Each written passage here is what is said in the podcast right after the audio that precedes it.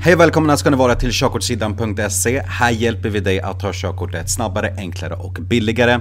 Vi finns på Youtube, vi finns på Facebook, vi finns på Instagram där vi har en story där jag ställer en fråga till er varje dag. Och så släpper vi en fråga eh, bland våra bilder varje dag klockan 12 också som ni kan svara på. Där börjar vi nå upp eh, till över 100 vet, kommentarer varje dag. Och lyssnar du inte på körkort ljudboken så finns den på Spotify och där poddar finns. Och då kan du lyssna på ljudboken helt gratis medan du gör någonting annat. Men hörni, det här är avsnitt 26 utav 10 stycken körkortsfrågor. Har du inte lyssnat, eller förlåt, eh, tittat på alla 25 andra av ett avsnitt så har vi en länk i beskrivningen till spellistan så du kan träna på alla frågor och se alla andra avsnitt. Men nu går vi in på den första frågan för dagen, eller för veckan ska jag kanske inte säga, som lyder hur långt färdas din bil per sekund om du kör i 70 km i timmen? 15, 20, 30 eller 50 meter. Och här behöver man kunna hur man räknar ut hur mycket eller hur långt man färdas per sekund beroende på hur snabbt man kör. Och formen för att få fram det, det är att dela hastigheten man kör med med 3,6. Och då kanske du undrar varför 3,6? Jo, för att det finns 3600 sekunder eh, i en timme. Så att om du delar 70, 70 eh, med, eh, med 3,6 så får du exakt 19,4. Och då är det alltså i perfekta för, förhållanden. Så då har vi avrundat det lite, lite, över, lite uppåt. Så att här är rätt svar cirka 20 meter. Fråga nummer två. Vart i bilen finns det glykol? Och glykol har ju en väldigt låg fryspunkt. Eh, den fryser inte så lätt och därför så finns den i kylsystemet. Alltså glykol finns i kylarvätska bland annat. Fråga nummer tre. Eh, du ska planera din resa från Stockholm till Marbella i Spanien. En rutt via Madrid är på 371 mil och en annan via Barcelona på 382 mil. Är den kortare rutten alltid att föredra ur miljöaspekt? Ehm, ja, eftersom du kör en kortare sträcka eller nej, en längre väg kan vara bättre för miljön. Och här är det ju lätt att tro att den kortare vetesträckan alltid är bättre ur miljövettaspekt för att man kör en kortare vetesträcka Men faktum är att en längre vetesträcka kan vara bättre för miljön om den innehåller färre stopp. Det kanske vet, är därför när du väljer, väljer vet, en rutt via till exempel Google Maps så väljer du en rutt som är längre men som kanske innehåller färre eh, trafiksignaler och därför är den rutten kanske bättre för miljön. Så att en längre sträcka kan faktiskt vara bättre om den innehåller färre, färre, färre vetestoff. För att bilen släpper ut väldigt mycket vet, avgaser när den behöver stanna och eh, starta vet, igen hela tiden. Nästa fråga. Du kan köra miljövänligt genom val av bil samt hur du kör din bil. Men du kan också göra det genom val av väg till din destination. Hur då? Den här frågan är väldigt lik den förra frågan. Eh, A. Genom att alltid välja den kortaste vägen. Eller B. Genom att välja en väg med många stopp så jag inte behöver slösa med bensin. Eller C. Genom att välja en rutt där man kan hålla en jämn fart. Och här, den här frågan är väldigt lik den, eh, lik den vet förra. Men det är också väldigt bra att ta sådana här, såna här vet frågor så att ni ser hur en och samma, eh, hur en och samma vet fråga med samma svar kan ställas på olika vet sätt och ha ungefär samma svar.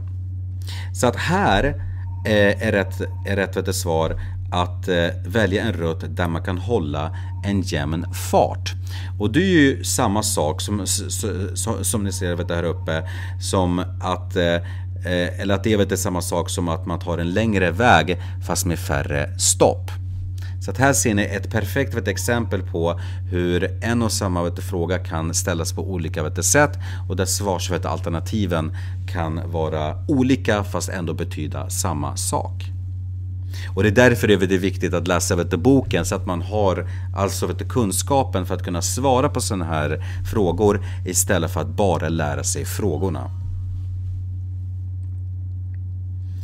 Nästa fråga. Vad betyder mikrosömn? Eh, en kort, medveten sov, eh, en, förlåt, en kort omedveten sovstund. Eller när man sover i bilen vid sidan av vägen. Eller när man kör dagen efter man sovit mindre än 4 timmar. Och mikrosömn är ju en kort omedveten sovstund och det här är väldigt farligt och det är faktiskt omedvetet. Alltså när, man, när människan inte kör bil och man råkar liksom bara somna till och det kan bara handla om någon sekund. Men den här vet du, sekunden eh, kan man ju färdas eh, jätte, jätte vet du, långt och vara, och vara vet du, förödande. Eh, hur, man undviker, hur man undviker det här, det är ju vet du, givetvis alltså, du ska undvika vet du, att köra bil om du kör trött. Eller om du eh, blir vet du, trött när du kör bil, att du tar en paus på ungefär 20 minuter så att du hinner ladda batterierna och vila lite. Nästa fråga. När riskerar du att få körkortet återkallat? När du inte kontrollbesiktigat din bil? När du upprepar trafikbrott? Eller när du får parkeringsböter? Eh, här är rätt svar eh, när du upprepar trafik, eh, traf, trafikbrott och eh, det kan ju inte vara så faktiskt att du blir av med körkortet när du bara gör ett brott. Eh, beroende på vilken trafikregel som du bryter, eh, bryter, bryter vet emot.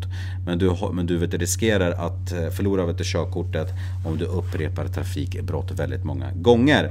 Om du inte vet, kontrollbesiktigar din bil så har ju din bil körförbud. Men du riskerar ju inte att få körkortet återkallat. Nästa fråga. Eh, var får du inte parkera i samband med ett övergångsställe? A. 5 meter före och 5 meter efter övergångsstället. Eller B. 5 meter före övergångsstället. Eller C. 5 meter efter övergångsstället. Och här är rätt svar 5 meter efter övergångsstället och den här frågan är lite vet du, lurig för att du får vet du, parkera eh, eh, om det är OK när du vill efter, efter ett övergångsställe men man får aldrig parkera eh, meter eller kortare innan ett övergångsställe. Nästa fråga och här har vi ett vägmärke med ett, eh, eller ett varningsmärke med ett tåg på. Och eh, frågan lyder, vad betyder vägmärket? A. Den betyder att en järnvägskorsning med bommar passeras. B. Den betyder att en järnvägskorsning utan bommar passeras. Eller C. Den betyder att långa tåg kan stå stilla i järnvägskorsningen. Och det här vägmärket varnar ju för att det är en järnvägskorsning utan bommar som kommer att passeras. Nästa fråga. Däcken spelar en stor roll eh, för risken att, att råka ut för vattenplaning. Vilken sorts däck ska du ha för att minska den risken? Och för er som inte vet vad vattenplaning är, det är ju när bilen liksom svävar över vatten. Alltså när man åker på, på, på vatten, inte is, eh, och liksom inte flyter på vattnet som som en svävare. Och det är ofta, oftast halare än, än, än om man skulle få blixthalka till och med.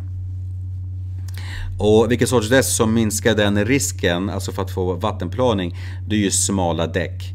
Eh, eh dåliga däck för vattenplaning, det är ju breda, breda, breda däck för att då finns det en större yta att sväva på samt eh, däck med dåligt eh, eh, däckmönster. Så att man ska helst ha eh, breda däck och nya däck för att undvika vattenplaning. Sista frågan då. Vad är en viltport för något? En port för djur i skogen? En tunnel under bilvägen? Eller en bro över motorvägar?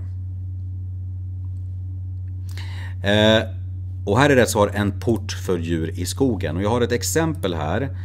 När man googlar på viltport så får man upp en massa vet, bilder. Och det här är ju ett sånt här vet, exempel med en port under vägen. Och den här finns oftast på vägar där det finns väldigt många djur som, behöver, som vill vet, passera vet, vägen. Och då har man egentligen gjort då det en port eller en tunnel för djuren att kunna passera via istället för att göra det på vägen.